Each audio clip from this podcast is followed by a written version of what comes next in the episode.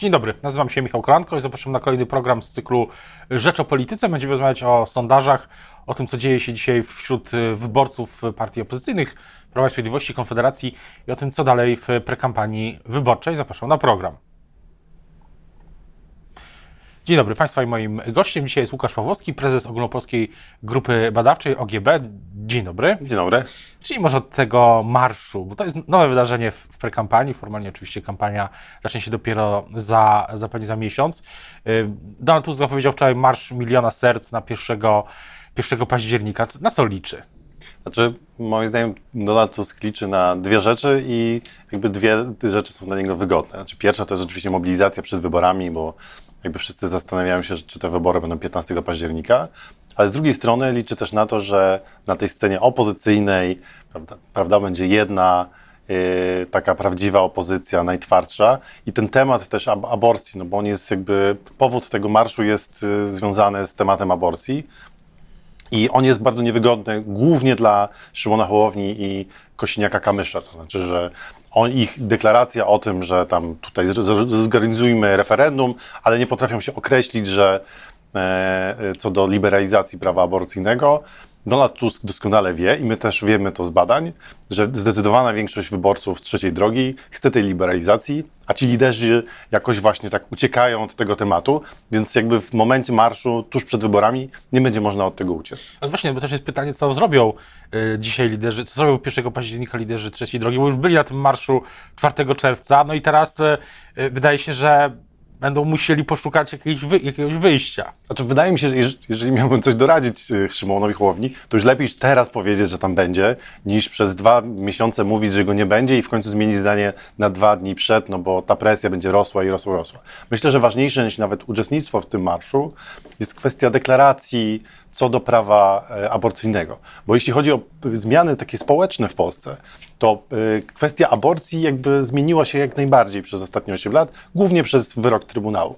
To znaczy, kiedyś około 30% chciało liberalizacji tej, tej, tej ustawy, dzisiaj jest 60%.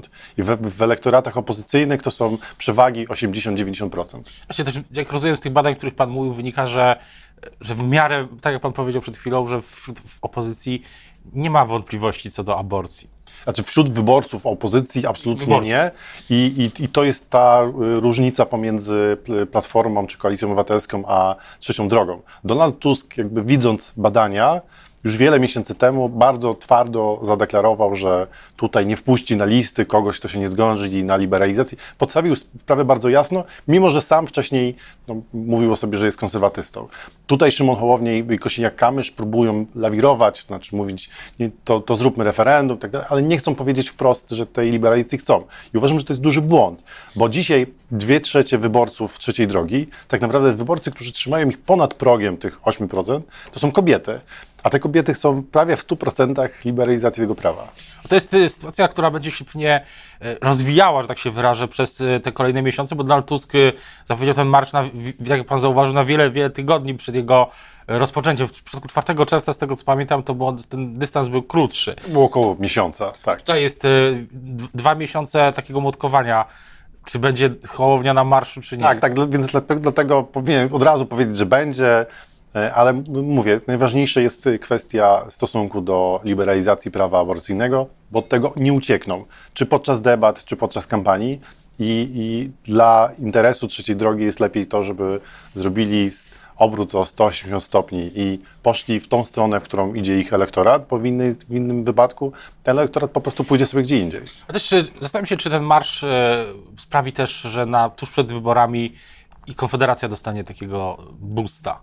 Bo była taka teza, że po marszu 4 czerwca największym beneficjentem tego marszu była Konfederacja. No i pytanie, czy to się w ogóle, powiesz, czy to jest prawdziwa teza Pana zdaniem, a druga, czy, czy, czy może się to powtórzyć? A czy jeśli chodzi o proces przechodzenia wyborców, tak, tak, tak to było widać jakby w sondażach.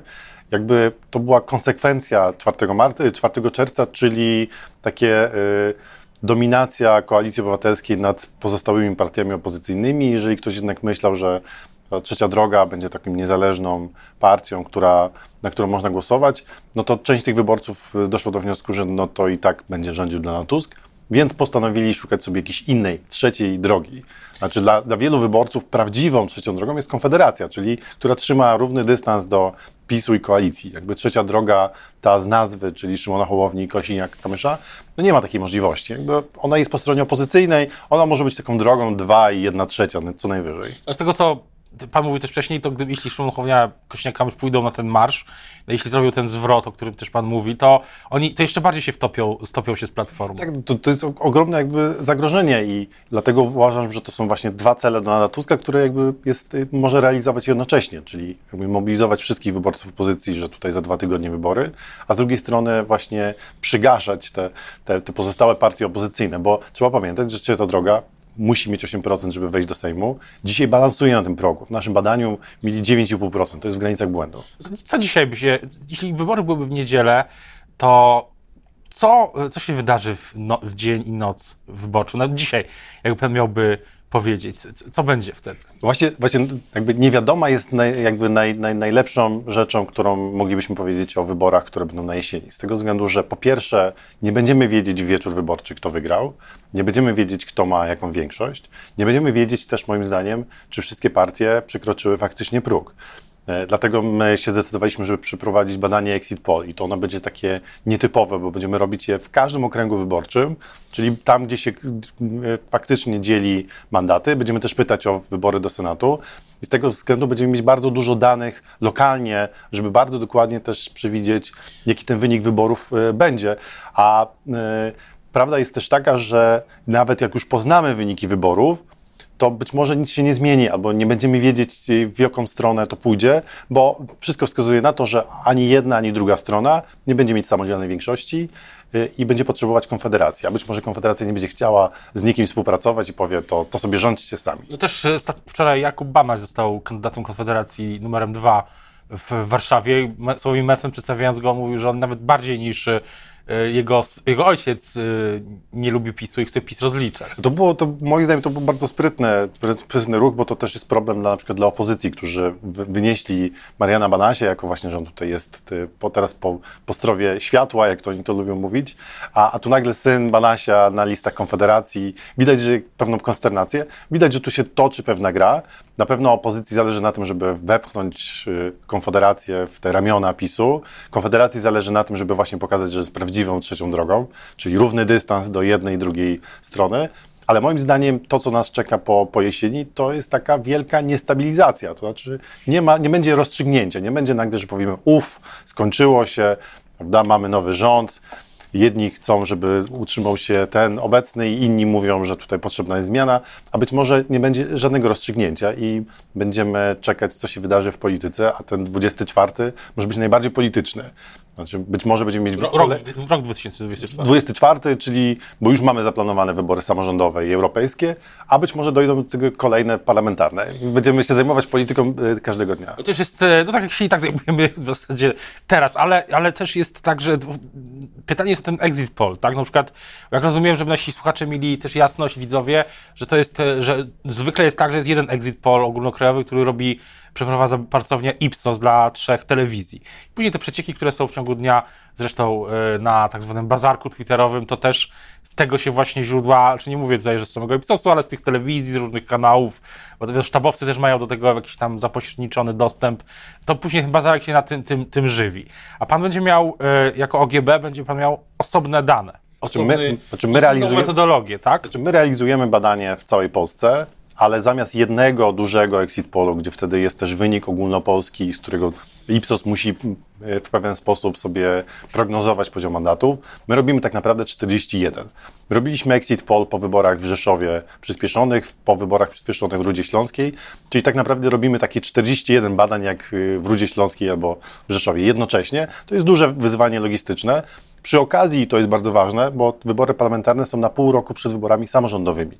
Czyli mamy realnych wyborców w dużej liczbie, którzy idą na wybory w miastach na przykład i możemy im dodatkowo zadać pytanie, a na kogo zagłosuje pan na prezydenta, na przykład Krakowa, Warszawa, Wrocławia, Łodzi. I to są bardzo cenne dane i my tak naprawdę finansujemy to tymi badaniami samorządowymi. Ale to jest ta różnica pomiędzy naszym badaniem a badaniem Ipsosu będzie to, że my będziemy mieć bardzo dokładne dane lokalnie w każdym okręgu i będziemy zadawać też dodatkowe pytania. Czyli jeżeli ktoś zagłosował na koalicję obywatelską, zapytamy go, a dlaczego? A kogo byś chciał jako premiera? Czy tam Donalda Tuska, czy Rafała Trzaskowskiego? A y, jeśli chodzi o wyborców lewicy y, czy Konfederacji, też będziemy zadawać dodatkowe pytania. Więc będziemy mieć bardzo dużą bazę wiedzy, na ten 24 rok, który będzie najbardziej politycznym rokiem w historii. No tak mogło być, e, może być tak jak w Izraelu czy w Bułgarii, że te wybory będą sek sekwencyjnie, że nawet nie, nie jest tak, że będą jedne wybory po wyborach tych do Sejmu w, przyszłym, w, w, w październiku, to będą kolejne i kolejne, aż, aż się sytuacja gdzieś tam w pewnym momencie wyklaruje. Znaczy, i dwa lata temu przygotowaliśmy taką analizę, nazwaliśmy ją 50 miesięcy niestabilności, yy, przewidując, że tak naprawdę szansa na ustabilizowanie systemu politycznego są wybory prezydenckie w 25. To znaczy, czy się zmieni prezydent i też wybory prezydenckie potrafią te trendy jakby kreować. Znaczy, że, że, że powstanie jakaś siła, jakaś, jakaś strona zdobędzie dominacji i będzie mogła realnie rządzić. Bo dzisiaj mamy taką równowagę, mamy trzecią siłę w postaci Konfederacji i tu żadnej stabilności nie będzie, więc być może czeka nas ta jeszcze dwa lata takiej właśnie, być może jedne wybory, być może może, może więcej. Jakby y, wchodzimy w taki okres, który, który w Polsce nie pamiętamy chyba od lat 90. A to co do Konfederacji, to czy z, tego, z tych danych, które ma Pan teraz i też mówimy o sytuacji oczywiście obecnej w drugiej połowie lipca, ale Pan jakąś tak tezę, że, e, że bo jest taka teza, politycy powtarzają czasami opozycji, zwłaszcza koalicji obywatelskiej, że Konfederacja za, za, za wcześnie jest, e, ma swój taki impet, takie momentum. A czy, czy ma pan poczucie, że to jest y, tak, że może ta z konfederacji zacząć spadać, czy to wręcz przeciwnie? Jest tak, że jak już ktoś zdobędzie taki impet, y, zwłaszcza w takich wyborach y, jak teraz, to już go nie, nie straci? Że moim zdaniem Konfederacja jest dalej w trendzie, to znaczy, że jakby te procesy, które się dzieją, na przykład teraz proces związany z Konfederacją jest taki, że teraz się o, o niej dużo mówi. To zazwyczaj jak się o kimś dużo mówi, no to on raczej zyskuje niż traci. Szczególnie, że na przykład Konfederacja ma ciągle niską rozpoznawalność i ich liderzy, czyli te starsze pokolenie w ogóle nie wiedzą, kim jest Mencen jak się, jak się dowiedzą, no to nawet jeżeli co dziesiąty z tego starszego pokolenia dojdzie do wniosku, że no okej, okay, to może niech teraz młodzi coś zrobią, no to zawsze mogą zyskać, a nie stracić. Więc ja uważam, że y, moment jest akurat idealny dla Konfederacji. Na przykład Szymon Hołownia nie trafił, bo on był najpopularniejszy w okolicach wyborów prezydenckich, po wyborach prezydenckich, a potem jeszcze najbardziej po wyroku Trybunału. Pamiętamy, że wyprzedzał Koalicję Obywatelską, musiał Donald Tusk wrócić. To, to tu można powiedzieć, że ten timing był zły. Jeśli chodzi o Konfederację, jesteśmy w kampanii, mamy wakacje, po wakacjach będzie półtora miesiąca na, na kampanię i, i Konfederacja właśnie będzie w centrum zainteresowania każdej strony. Każdy o nich mówi. Więc ja tutaj bym się nie spodziewał, że to nagle zjedzie w dół. A to jest dosyć paradoksalna sytuacja, w której, y, która chyba też jest częściowo wynikiem przypadku tego, tej dyskusji, tego, że Koalicja Obywatelska postawiła na dyskusję o jednej liście. I ludzie zaczęli, tak mówiąc tak prosto, tak, oczywiście to jest dużo bardziej złożone, ale wydaje się, że jednym z czynników było to, że wyborcy zaczęli szukać alternatywy dla tej, tego konglomeratu wokół Donalda Tuska, a dwa zaczęli szukać alternatywy, która nie jest e, spo, społecznie, czy nie jest po prostu lewicowa, w tym sensie podejście do programów społecznych, bo Donald Tusk, gdy powrócił, no to postawił na to, że na taki zwrot w lewą stronę i wtedy wszyscy oczywiście uważali, że to jest błyskotliwy pomysł. Ale teraz wygląda na to, że ten zwrot dał pole Konfederacji. Znaczy, ja, ja widzę to troszeczkę inaczej. Znaczy, przede wszystkim ten, ten, ten spór pomiędzy Konfederacją i innymi partiami jest y, pokoleniowy. To znaczy, jak wrócił Donald Tusk do polskiej polityki i wróciło to do sporu Kaczyńskiego z Tuskiem, który znamy od 2005 roku, no to dzisiaj w wyborach będą głosować ludzie, którzy się jeszcze wtedy nie urodzili. To znaczy, to jakby pokazuje, że jakby tkwimy w jakimś takim sporze dzisiejszych 60 i 70-latków, którzy dzisiejsi młodzi 20-30-latkowie albo nie znają, albo, albo nie, nie rozumieją. Więc to jest jakby jeden, jeden powód. A drugi, wydawało się, że taką alternatywą może być Szymon Hołownia. I tam było bardzo dużo młodych wyborców. Ale w momencie, kiedy Szymon Hołownia postanowił, że on teraz będzie tworzyć trzecią drogę z Kosiniakiem Kamyszem, który w tej polityce jako PSL no, jakby jest najstarszą partią, była w wielu koalicjach i tak dalej, okazało się najmniej wiarygodne. Więc ja tu widzę pewne procesy, ale one są bardziej pokoleniowe. Znaczy pierwszy raz młodzi I to mówimy młodzi, czyli 18-39, czyli mówimy o jednej trzeciej społeczeństwa. Pierwszy raz w historii y, po 90 roku są poza głównym sporem dwóch głównych sił. Bo kiedyś była Solidarność kontra komuniści, potem właśnie była Platforma kontra PiS i ci młodzi byli właśnie w Platformie. Zawsze się mówiło, że młodzi wykształceni z wielkich miast, jakby to był kor wyborczy. Dzisiaj ci młodzi są poza tym głównym sporem i oni mówią, to się bawcie. Jakby my jesteśmy tym zmęczeni. I wydaje mi się, że ta kampania w ogóle pokazuje, że ten spór jest taki jałowy. No, tam stawianie jakichś tam e, e, jakichś plakatów, mówienie, że ten jest Bambikiem, ten jest kimś innym. Znaczy tu nie ma w ogóle treści. I ci młodzi to widzą i też w związku kurczę, no jakby to nie dla mnie. To jest, wydaje się, że to jest też paradoksalny, taki na koniec taka dygresja, że biorąc pod uwagę to, ile się mówiło o młodych, że oni tak skręcają w lewo, że oni są, e, że są tak bardzo jak partia razem trochę, jak, e, że, że, że poparli Rafała Trzaskowskiego, to teraz nagle chyba te elity, e, część tych elit chyba musi być młodymi znowu rozczarowana, że oni wybierają tych, no nie chcę tutaj, no tego Mencena strasznego z TikToka. Znaczy, w ogóle to bardzo fajne określenie, że, że właśnie że są rozczarowani młodymi, prawda? Bo młodzi przez wiele miesięcy czy, czy lat mówią się, że to młodzi od, odwołają PiS, prawda? Zmienią i tak dalej. Nagle się okazuje, że jak młodzi chcą głosować na Konfederację, to się mówi, nie, nie, oni nie chodzą na wybory, pewnie nie to, są tacy ważni. Nie są tak tacy dalej. ważni, nie są tacy istotni. Jest jakieś takie rozczarowanie młodymi, bo y, było takie przekonanie, że ci młodzi to będą, prawda, oglądać telewizję, będą mówić, co im tam ci y, dziennikarze czy komentatorzy będą mówić, ci są dobrzy, ci są źli, a nagle się okazało, że po pierwsze ci młodzi tej telewizji nie oglądają, po drugie no mają swoje zdanie, po trzecie też widzą pewną pustkę w polityce i wybierają sobie co innego z różnych powodów w jakiś, w jakiś sposób trzeba wytłumaczyć to, że wśród kobiet do 1939 roku Konfederacja zajmuje drugie miejsce, zaraz po Koalicji Obywatelskiej, więcej niż Lewica, co wydawało się jeszcze wiele miesięcy temu absurdalne, a jednak duża część kobiet, i tu ważna rzecz, z naszych badań wynika, że to są właśnie kobiety nie żyjące w dużych miastach, ale na przykład żyjące na terenach wiejskich, małych miastach, średnich miastach. Czyli to nie jest taka typowa kobieta, którą my widzimy w telewizji, że ona tam chodzi na marsze równości, e, marsze kobiet i po prostu ma, jest lewicową e, aktywistką, tylko właśnie to pokolenie jakby składa się z wielu kobiet. Ile tym, dalej tym tropem wydaje się, że te, że, że to też jest coś, czego nie było w planie, no bo ewidentnie sytuacja, w której jest jakaś trzecia siła, jest, y, o PiSie dzisiaj nie rozmawialiśmy za dużo, ale dla PiSu też jest niebezpieczna, bo nie ma prawej, nie ma już dominacji na prawej ścianie, ale dla opozycji sytuacja, w której może być 50 mm, parlamentarzystów, parlamentarzystek, którzy mogą zrobić co chcą, no też jest y, niebezpieczna. Dlatego to Konfederacja chyba zmieniła, była takim game changerem na koniec. Game, game changer. Znaczy, żadna ze stron nie jest w stanie e, zapewnić sobie stabilnej większości i będzie musiała sobie z tym jakoś poradzić. I tutaj się zgadzam e, z, z redaktorem Danielewskim z Okopres, który powiedział, że dopiero, dopiero teraz zobaczymy, na czym polega prawdziwa polityka. Bo teraz to były bajki.